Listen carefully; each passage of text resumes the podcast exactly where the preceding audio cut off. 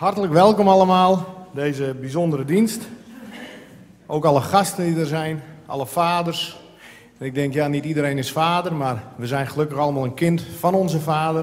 Het is vandaag Vaderdag, dus ook die allemaal welkom. Het bijzonder ook Siert de Jong, die vanochtend hoop voor te gaan. Ik wil graag de dienst opdragen aan de Heer. Ik wil vragen of jullie willen gaan staan.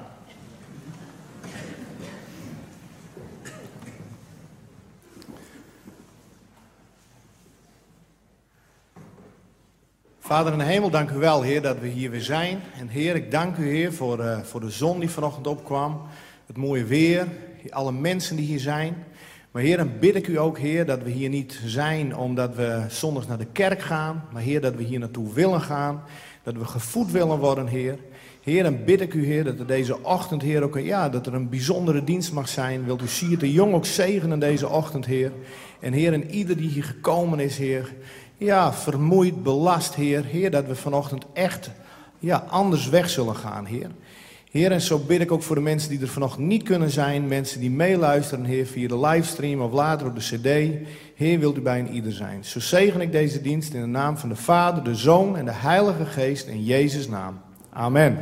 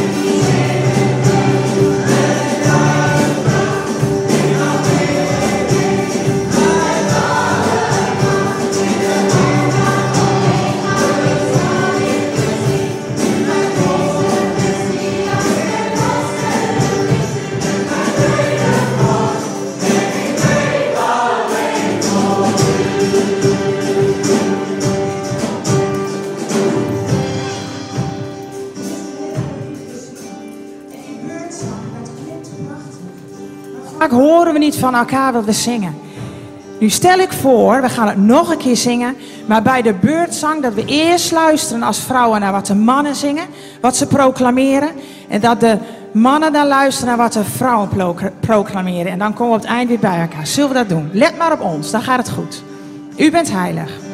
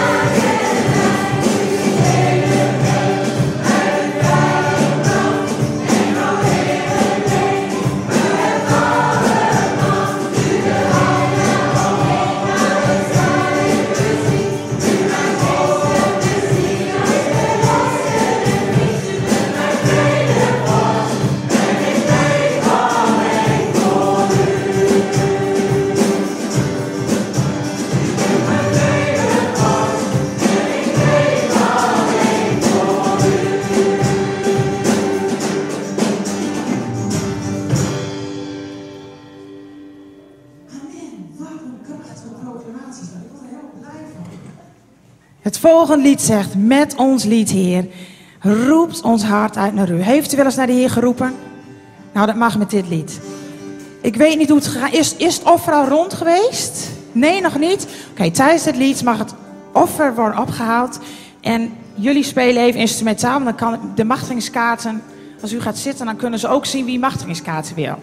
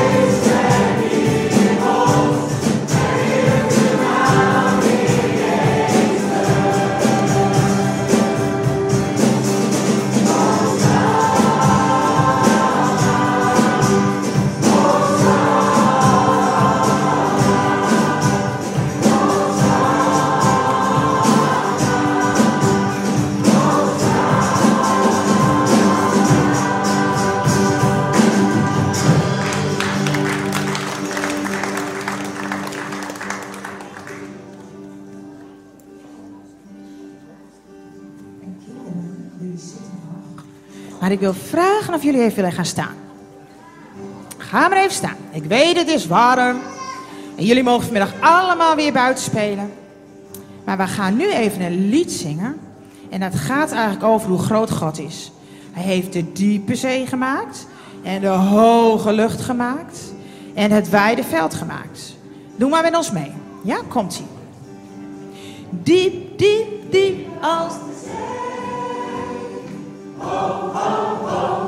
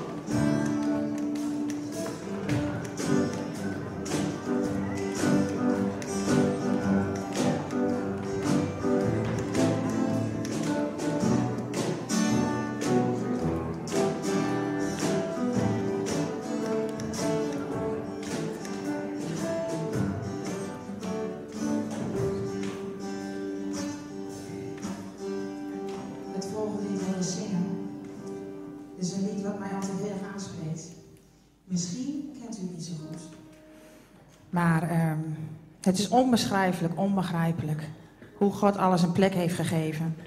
En ergens in de Bijbel staat, hij heeft schatkamers boordevol sneeuw. Dat kunnen we ons helemaal niet voorstellen. Maar ehm, laten we samen dit lied zingen. Als u het niet goed kent, laat zijn woorden op u inwerken. En maak God groot.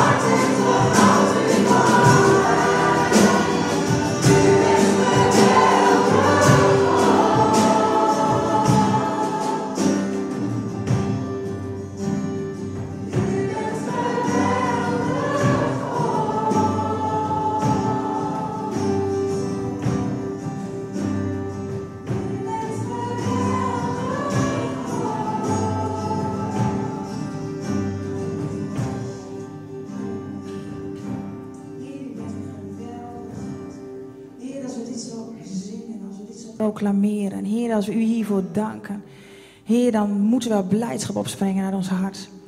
Heer, u kent het diepst van ons hart en u houdt van ons, Heer.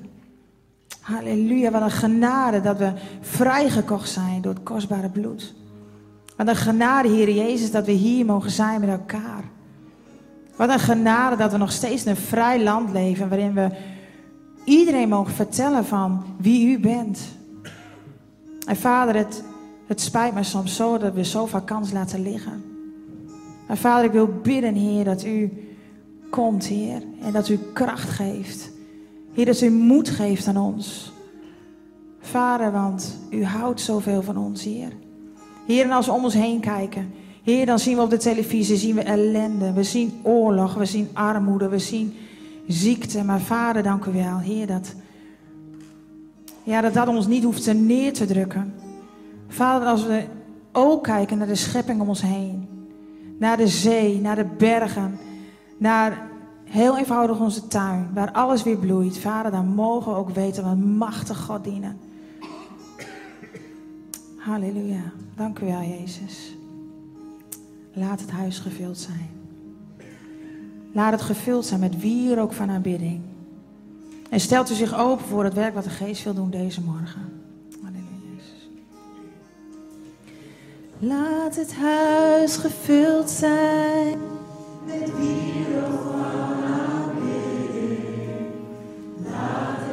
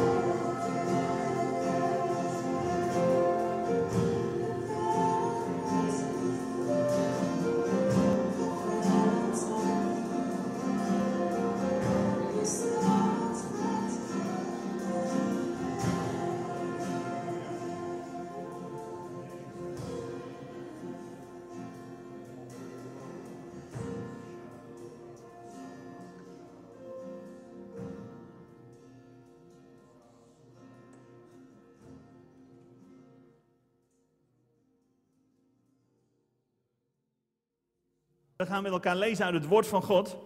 1 Samuel hoofdstuk 9. 1 Samuel hoofdstuk 9. De versen 1 tot en met 10 en ook hoofdstuk 10 vers 1.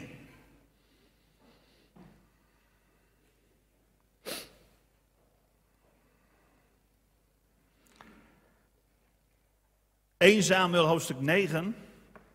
En er staat, er was een man uit Benjamin en zijn naam was Kis. Een zoon van Abiel, de zoon van Seror, de zoon van Begorat, nou, enzovoort. Een zeer vermogend man. Vers 2, deze had een zoon van wie de naam Sal was, jong en knap. Goed, ik verder geen opmerkingen. Beetje zoals aard, ik zeggen, ja. Ja, er was geen knappere man. dan hij onder de Israëlieten. Vanaf zijn schouder en hoger was hij langer dan al het volk. De ezelinnen van Kis, de vader van, van Saul, waren zoek geraakt. Daarom zei Kis tegen zijn zoon Saul, neem toch een van de knechten met je mee en sta op en ga de ezelinnen zoeken. Hij trok door het bergland van Ephraim en hij trok uh, en ook trok hij door het land van Salissa en ze vonden ze niet.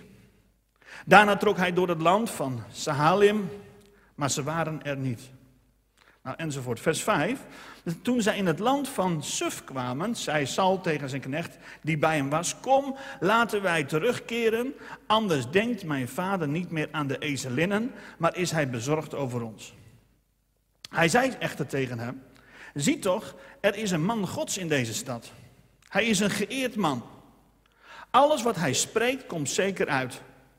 Laten wij nu naar hem heen gaan. Misschien zal hij ons onze weg wijzen die wij moeten gaan. Toen zei Saul tegen de knecht, maar zie, als wij gaan, wat zullen wij dan voor die man meebrengen? Want het brood uit onze reiszakken is op en we hebben geen geschenk om de man gods te brengen. Wat hebben wij bij ons? Nou, enzovoort dan hoofdstuk 10, vers 1 gaan we nog lezen. Toen nam Samuel een oliekruik, goot die leeg op zijn hoofd, kuste hem en zei: Is het niet zo dat de Heere u tot een vorst over zijn eigendom gezalfd heeft? Ik wil met u spreken vanmorgen over dat verlies is niet het einde, maar verlies kan het begin zijn van iets beters. In het leven gaan we allemaal door tijden heen van verlies. Verlies is in dit leven onontkoombaar. Vorig jaar, mijn vader is komen te overlijden. En zo zult u misschien ook een geliefde hebben verloren in uw leven. Of u kunt ook op andere manieren meemaken dat je door een verlies heen gaat. Je kunt verlies, een verlies van een baan, verlies van, uh, van bezittingen. Dingen die u misschien, hè, soms is het een stukje wat je niet zo raakt, maar er kunnen dingen zijn in je leven wat je verliest, wat je enorm raakt. En als je niet oppast, dan lijkt het net alsof dat verlies het begin is van het eind. En toch als we dit verhaal lezen van Saul, het begint dat Saul was de zoon van een man genaamd Kis. En deze man had ezelinnen. En die was die kwijt. En dan kunnen wij denken aan ezelinnen. Ja, een ezel meer of minder. En wij leven nu in een geïndustrialiseerde, geïndustrialiseerde samenleving. We hebben machines, we hebben auto's. Voor ons zegt een ezel niet meer zoveel. Maar in die tijd, dat waren vervoersmiddelen. 50 van die ezels. Je zou bijna kunnen zeggen 50 auto's. Misschien had hij wel een soort transportbedrijf. En als je dan 50 van je vrachtwagens mist, dan hakt dat er wel in. Het was iets kostbaars. Het was zelfs zo kostbaar dat Kis stuurde niet zijn knecht om de ezels te zoeken. Hij stuurde zijn eigen zoon. Komt dit bekend voor? Weet je, jij en ik, wij waren, we zijn als schapen die dwaalden, maar we zijn soms ook als ezels. Wij zijn soms van die koppige ezels. En we weten niet of deze ezels nu gestolen waren, of dat die ezels verdwaald waren, weggelopen. Dat, is maar de- dat laat de Bijbel in het midden. Maar ze waren wel weg. En zo waren we allemaal voor God. We waren als ezels die bij God zijn weggelopen. Maar weet u dat God u kostbaar vindt? Hij vond u zo kostbaar dat hij niet een knecht stuurde, hij stuurde niet een engel naar deze wereld, hij stuurde zijn eigen zoon. Amen. Hij stuurde zijn eigen zoon om u te zoeken en u ook te vinden. En dat is mooi dat je mag weten, ik was ooit eens verloren, maar hij heeft mij gevonden. Amen. Dat is een prachtige boodschap. Maar in deze boodschap zie je, kun je ook zien dat het hoeft niet het begin van een eind te zijn. Het is maar net hoe ga ik met verlies om in mijn leven. En als je wil kijken naar iemand die ons een prachtig voorbeeld heeft gegeven, hoe je met verlies om kunt gaan, dan is dat de Heer Jezus zelf. En er staat een hele opmerkelijke tekst in 1 Petrus 2, die ga ik uit de herziende statenvertaling met u lezen. 1 Petrus 2, vers 21. Daar staat er dit, want hiertoe bent u geroepen, omdat ook Christus voor ons geleden heeft. En dan staat er, hij laat ons een voorbeeld na, opdat u zijn voetsporen zou volgen. Als er iemand iets kan vertellen over het meemaken van verlies, en nu heeft Jezus zijn leven verloren door het te geven. Maar je kunt uit, dat, uit die periode van het lijden tot aan de opstanding, kun je een les leren hoe wij om moeten gaan met verlies als het ons treft. De eerste plaats lees je, wat deed Jezus? Vlak voordat hij naar het kruis ging. En nu zeggen wij dat Jezus op vrijdag is gestorven. Nou, volgens mij officieel klopt dat niet helemaal. Maar goed, dat vieren wij wel op Goede Vrijdag altijd. Dat Jezus gekruisigd is. Maar soms kan het ook vrijdag zijn in uw leven. Dat u voor een, door een periode heen gaat van verlies. En dat eigenlijk de grond onder uw voeten wordt weggehaald. En u soms niet meer even weet, hoe ga ik hiermee om? Want nogmaals, het kan soms voelen als het begin van het eind. Maar wat deed Jezus? Toen hij vlak voor het moment stond dat hij naar het kruis ging. Weet je, en hij laat ons hiermee een voorbeeld na die wij zouden of die wij behoren te volgen. Er staat in Matthäus 26, vers 36, staat, toen ging Jezus met hen, het waren zijn discipelen, naar een plaats die Gethsemane heette. En in vers 37 staat, hij nam Petrus en de twee zonen van Zebedeus met zich mee. Hoe ging Jezus om in eerste instantie met zijn moment van verlies? Hij betrok zijn vrienden in zijn pijn. Weet je, als wij door verlies heen gaan in het leven, hebben wij de neiging om ons juist af te zonderen. We hebben vaak de neiging om ons terug te trekken, ik in mijn klein hoekje. We hebben de neiging om ons te isoleren. Maar ik zal u zeggen, dat is nou net de reactie die u niet moet doen. Hoe ging Jezus heen door zijn momenten van pijn? Hij betrok juist zijn discipelen, zijn vrienden, in die momenten van pijn. En zo heeft God het bedoeld, want de Bijbel zegt in Galaten dat we moeten ook elkaars problemen moeten wij dragen. En als je dat doet, dan voldoe je aan de wet van Christus. Dan ga je eigenlijk doen wat Jezus ook deed toen hij door het lijden heen ging. Hij betrok ook zijn vrienden in die momenten van pijn en van lijden. Als ik door lijden heen ga, dan hoor ik vrienden toe te laten. En gelukkig als voorgangers, wij zijn ook deel van een grotere vriendengroep. En waar ook Aart ook deel van is, en Trudy ook deel van zijn. En ik kan u zeggen, wij delen daar onze lief en onze leed. Onze vreugde en onze pijn. Er zijn momenten dan lachen we, hebben de tranen over de wangen van het lachen. Maar aan de andere kant kunnen we ook meelijden als een van onze vrienden door momenten gaan van verlies. En zo heeft God het bedoeld. Als, als ik door lijden heen ga, dan heb ik mijn vrienden nodig. Maar als zij door lijden heen gaan, dan, heeft God, dan heeft, eh, hebben ze ook mij nodig. Dus wij hebben elkaars, nodig, elkaars eh, steun nodig, want gedeelde smart is halve smart. Maar goed, daar bleef het niet bij. Jezus betrok niet alleen zijn vrienden in zijn pijn. Bovenal wat hij deed, hij betrok God, zijn vader. Want ik zal je zeggen, mensen kunnen maar tot zover met je meegaan in jouw pijn. Daar kwam Jezus ook achter. Toen hij terugging om te kijken hoe het met zijn vrienden was, waren ze in slaap gevallen.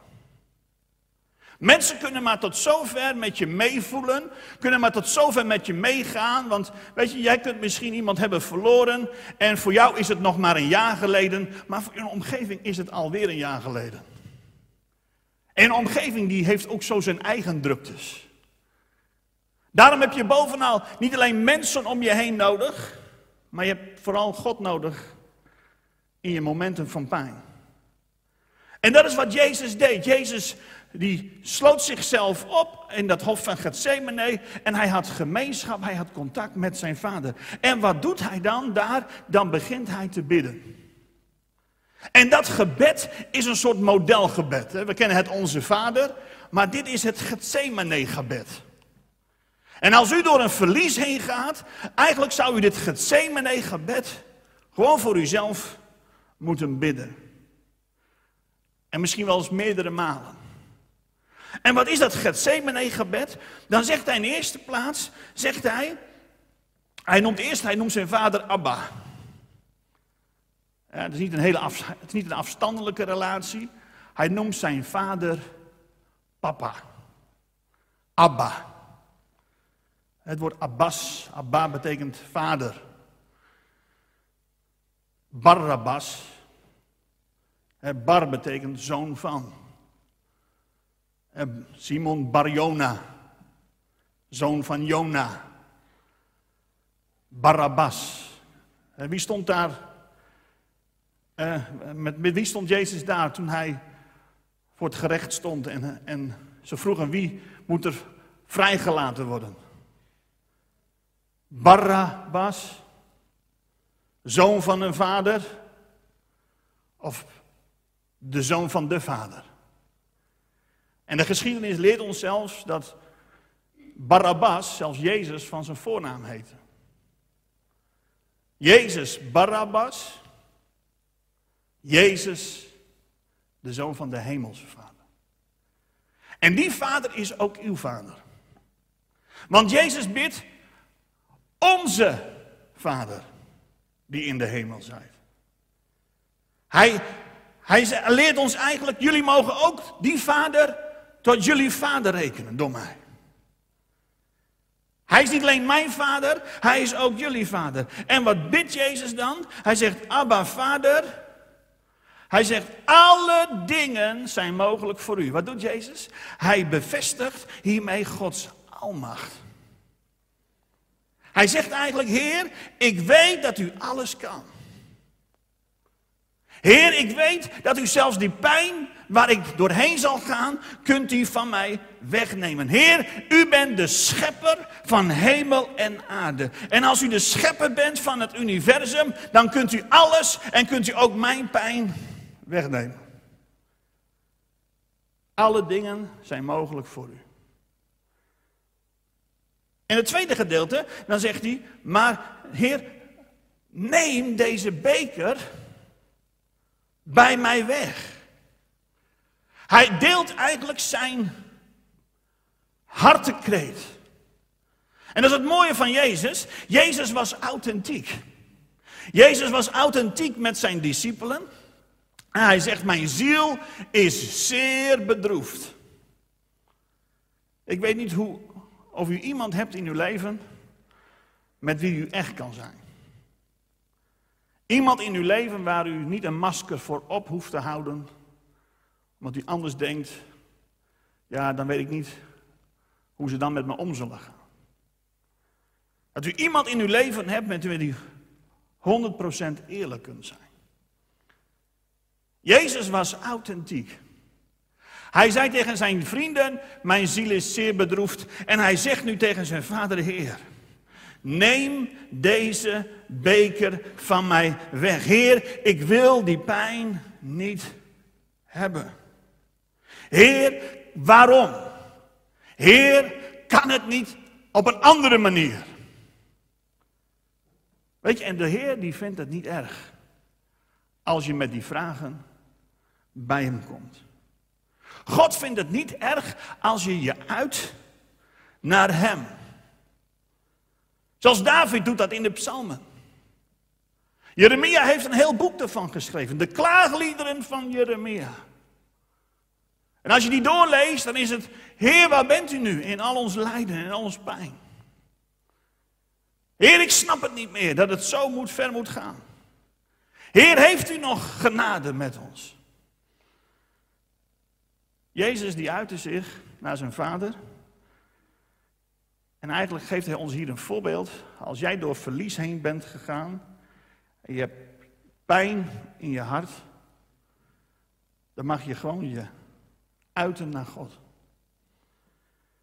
Maar dan het laatste gedeelte, dan zegt hij maar niet wat ik wil, maar wat u wilt. Met andere woorden, wat hij zegt, hij zegt eigenlijk, Heer, maar ik vertrouw u toe wat u uiteindelijk doet. Hij zegt eigenlijk, Vader, ik weet dat u van me houdt.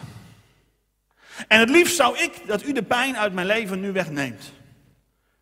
Maar als u het anders doet, dan vertrouw ik u het toe. Want ik vertrouw dat u weet wat het beste voor mij is.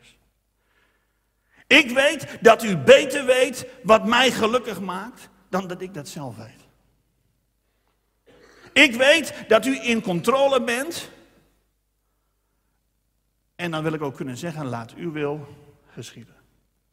Niet mijn wil, maar uw wil geschieden.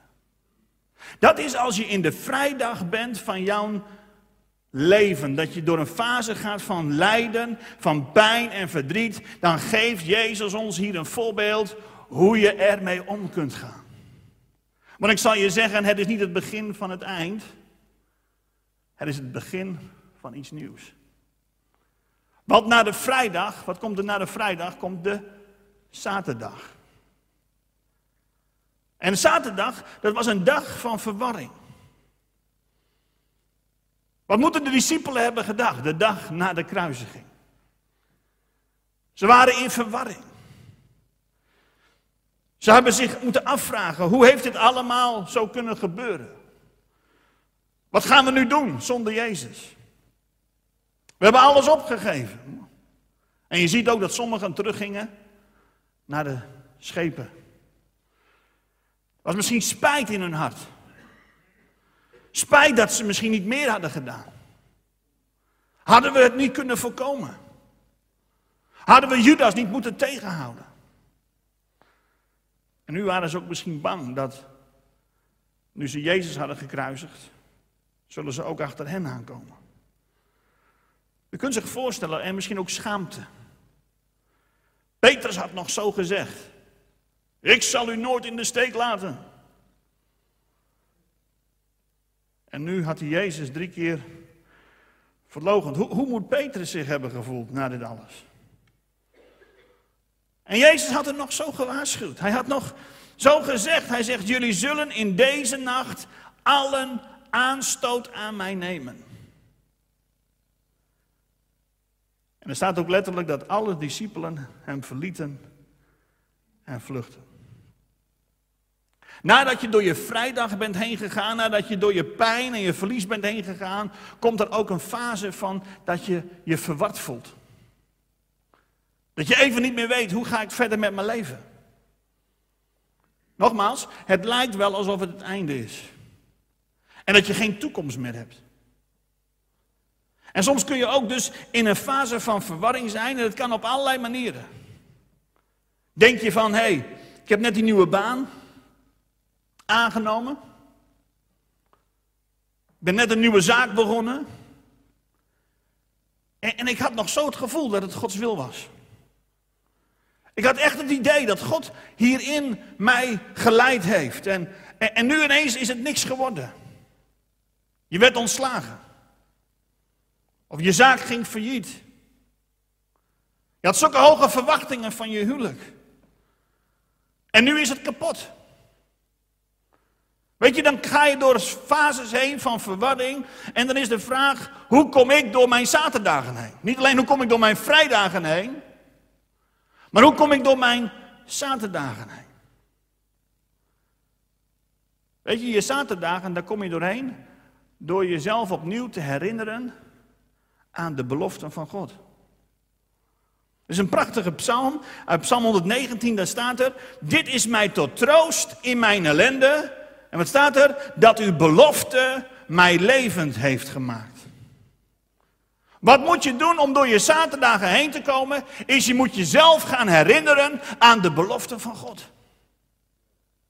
Want de beloften van God, zegt de Bijbel, die zijn ja en amen. En ik weet wel, als je zelf op de bergtop bent, dan kun je dat ook volmondig zeggen. De beloften van God zijn ja en amen. Want op de bergtop is het makkelijk de beloften van God te claimen. Maar nou zit je zelf in het dal. En wij zijn geneigd om wat wij wisten op de bergtop, dat, dat dreigen we te vergeten als we in het dal zijn. Johannes de Doper, toen hij op de bergtop van zijn bediening stond, zei hij: Zie het lam van God dat de zonde van de wereld wegneemt. Toen hij in de gevangenis zat, stuurde hij twee van zijn discipelen en hij zei: Vraag aan Jezus of hij degene is die komt, die wij verwachten. Of komt er een ander? Wat hij wist op de bergtop, dreigde hij te vergeten in het dal. En dat was voor Saul ook het geval. Toen Saul niet meer de ezels kon vinden, toen dreigde hij om op te geven. Maar wat zei zijn knecht? Hij zei, er is hier een man van God en die man van God die heeft het woord van God. En wat die man spreekt, dat komt uit. Wij hebben het nodig te horen de woorden en de beloften van God mensen. Daarom is het goed dat u zondags naar de dienst komt, onder andere, om onder het woord van God te zijn. Om niet u terug te trekken in uw isolement, maar juist de gemeenschap met de gelovigen op te zoeken en onder het woord van God te zijn, want dan krijgt u weer nieuwe moed. Dan gaat u de beloften van God gaat u horen. Dat, en dat zijn woorden van leven. Weet je, de Bijbel staan 7000 beloften in. Wist u dat? Meer dan 7000 beloftes. En als je jezelf niet aan die beloftes herinnert, weet je, dan kun je er ook niet op gaan staan. Daarom is het belangrijk om opnieuw in herinnering gebracht te worden de beloften van God. Want als je de beloften van God niet meer kent, dan ga je leven alsof het leven van jou afhangt. En ik kan u zeggen, uit eigen ervaring, dan wordt het leven zwaar. En dan raak je opgebrand. En je gaat je zorgen maken. En je raakt gefrustreerd. Maar als je weet wat er in de polis staat, wat er in de beloften, wat, wat, wat God in zijn erfenis aan ons heeft beloofd. Dan hoef je je verder geen zorgen meer te maken. Als u weet wat in uw ziektekostenverzekering allemaal opgenomen is. Ik ben één keer opgenomen, of uh, twee keer zelfs nu. Maar ik kreeg een niersteenaanval. En ik moest met de ambulance naar het ziekenhuis. En in mijn hoofd dacht ik, is dit dan wel gedekt door de verzekering? of is dit niet gedekt door de verzekering? En dan zit je al met een niersteen en je maakt je nog zorgen over de rekening die hier achterweg gaat komen. Waarom? Ik wist niet of het ook in de dekking stond. Ik wist niet wat er in de beloften stond. Van als ik verzekerd ben, wat daar daarmee mee beloofd wordt. Gelukkig zit het in de basis, volgens mij, als ik het herinner. Het zat in de dekking. Maar doordat ik het niet wist, ging ik mij zorgen maken. En zo is het ook vaak in ons leven. Wij weten half niet wat God ons heeft beloofd. En juist door ons te herinneren aan die belofte van God, dan ook al heb je het moeilijk, weet je, dan hoef je ook niet nog eens zorgen te maken over komt het wel goed. Want God heeft het ons het beloofd. En waar je ook doorheen gaat in dit leven. Weet je, Jezus had aan de discipelen beloofd, hij zegt dit in Johannes 16, ook u hebt dan nu wel een droefheid, maar ik zal u weer zien. Met andere woorden, Jezus hij voor, voorzegt hier zijn sterven, maar hij zegt ook, ik zal weer opstaan. Dit is niet het begin van het eind. Nee, dit is het begin van iets totaal nieuws. Van iets veel beters. Nogmaals, je kunt op allerlei manieren door pijn en door verwarring heen gaan. Misschien is het op je werk, is het in je huwelijk. En soms kan je een moment hebben in je leven dat je denkt, mijn, mijn leven is tot as verpulverd. Heeft, u hoeft niet je handen op te steken, maar misschien heeft u allemaal zich wel eens zo gevoeld. Dat van je leven niks meer over is. Weet je, dan heb je de beloftes van God nodig. Neem deze belofte. De as op hun hoofd maakt plaats voor een kroon. Als u die belofte ter harte gaat nemen, terwijl u zich zo voelt alsof van je leven niks meer over is dan alleen aan een beetje as, dan mag je zelf weten dat uit dat as kan God een kroon maken. Rouw en wanhoop wijken voor feestkleren en parfum. Je moet gaan geloven dat God alles kan gebruiken en kan laten medewerken ten goede. Elk verlies, elke pijn, wat er ook gebeurt. Want het, het verhaal van Saul, het begon met een verlies, maar hoe eindigde dat verhaal? Terwijl hij in die zoektocht was naar die ezels, komt hij bij de man van God terecht. En hoe komt hij dan van die man van God vandaan? Gezalfd als de koning over Israël. Met andere woorden, dat verlies wat zij meemaakten, dat leidde tot iets nieuws, tot iets wat veel beters was. En datzelfde heeft ook Jozef ondervonden. Hij verloor zijn vrijheid. Hij verloor, hij werd in die put gestopt, hij ging door een lijden heen. Maar dat was een deel van een groter plaatje. Dat grotere plaatje wat hij op dat moment nog niet kon zien. En u bent misschien ook door een verlies heen gegaan, maar u moet weten, God heeft een groter plaatje wat hij aan het uitwerken is. En God laat soms dingen toe in ons leven, omdat hij juist, omdat dat nodig is om ons in beweging te krijgen. God laat soms dingen toe om ons juist te krijgen op dat punt waar Hij ons wil hebben. Wij zijn vaak niet in beweging te krijgen, pas alleen als het echt nodig is. Herkent u dat? We weten aan de ene kant wel dat het anders moet, maar zolang het nog enigszins zo kan, houden we nog vast aan dit oude. Maar totdat er iets gebeurt, er moet vaak eerst iets drastisch gebeuren voordat wij bereid zijn om te bewegen. En God wil ons in beweging laten komen, mensen. Jezus had tegen de discipelen gezegd: ga in de gehele wereld en predik het hele evangelie, eh, de, hele, evangelie aan de hele schepping. Maar wat deden ze? Ze bleven mooi in Jeruzalem. Waarom zou je veranderen als het nog zo mooi is met elkaar? En dan moet er eerst vervolging uitbreken voordat de christenen over de hele aarde werden verspreid. Eerst moesten ze door pijn en moeite heen gaan voordat ze bereid waren om in beweging te komen. En zo was het ook in Saul zijn leven. Eerst moest dat verlies van die ezels plaatsvinden voordat hij uiteindelijk in actie kwam. En gezalfd werd. En Jezus zelf is hier het grootste voorbeeld. De Bijbel zegt dat hij was aan God gelijk. Maar hij gaf zijn God gelijk zijn, gaf hij op en hij werd mens. En hij werd gelijk aan ons mensen en hij werd gelijk aan, ons, aan onze zonde. Hij werd gelijk aan onze dood. Hij werd gelijk, hij daalde af tot zelfs tot in de hel. Lager dan dat kon hij niet afdalen. Maar wat staat er? Dat was niet het begin van het eind. Dat lijden was het begin van iets heel nieuws. Want daarom heeft God hem ook uitermate verhoogd. En daarom heeft God hem een plaats gegeven aan zijn rechterhand. En daarom heeft God hem een naam gegeven die boven alle naam is. Dat is de naam van de Heer Jezus Christus.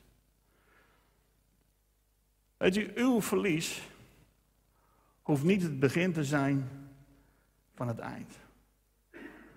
Het kan het begin zijn van iets heel nieuws. Zullen we gaan bidden? Halleluja. Halleluja. Heer Jezus.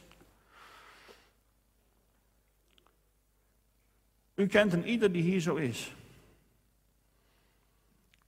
En u weet exact waar wij doorheen gaan in dit leven.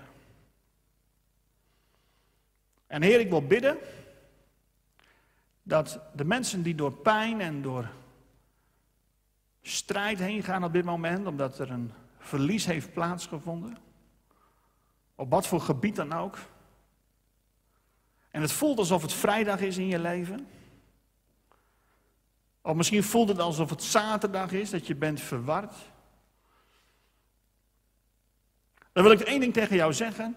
Weet je, je mag één ding weten. Zondag is op komst. Jouw zondag komt eraan. Het enige wat je niet moet doen is opgeven. En als jij hier bent vandaag en jij ervaart het alsof deze preek ook voor jou was en dat, dat jij door een fase heen gaat waar je niet meer weet hoe je verder je leven moet oppakken, dan is het woord van God tot jou gekomen vandaag. En dan wil ik gewoon gaan vragen of je wil gaan staan op de plaats waar je bent. Ga nu maar staan op de plaats waar je bent. En ik ga een algemeen gebed uitspreken. Maar als u na de dienst zegt, ik wil toch ook persoonlijk praten en bidden, dan is daar na de dienst ook gelegenheid voor. Ik zal hier wel zijn en er zullen misschien wel meer mensen zijn. Maar het kan soms heel diep gaan. Heer, ik bid voor deze mensen. Heer, en ik weet niet exact wat het verlies is wat ze hebben meegemaakt. Misschien is het iets fysieks. Een verlies van gezondheid. Of misschien is het verlies van, van mezelf. Dat ik mezelf kwijt ben geraakt en niet meer weet wat ik verder moet met mijn leven. Of misschien is het op andere terreinen dat er een verlies heeft plaatsgevonden en het voelt alsof dit het einde is. Eerder wil ik hen herinneren aan de belofte van God. Dat God een God die bemachtigd is om alle dingen laten medewerken ten goede. Eer dat u heeft gezegd. Dat ja, jullie zullen droefheid ervaren, maar jullie zullen mij ook weer zien. En dan zal jullie vreugde kennen. En Heer, dat wil ik ook uitspreken over deze mensen. Dat zij ervaren, Heer, dat er een kroon op hun leven wordt gezet. In plaats, en de as wordt weggenomen van hun hoofd. En dat er nieuw soort denken gaat komen. Heer, ik bid voor het denken dat u de bolwerken in hun hoofd slecht in de naam van Jezus. Heer, de bolwerken van negativiteit. De bolwerken van neerslachtigheid. De bolwerken, Heer, van, van, uh, van depressie, Heer. Ik wil ze slechten in de naam van Jezus. En dat uw weg, dat uw gedachtes. Heer, en dat zijn gedachtes niet van onheil, maar van een hoopvolle toekomst. Dat die ruim baan kunnen krijgen. En zo zegen ik jullie allemaal in Jezus' naam. Amen.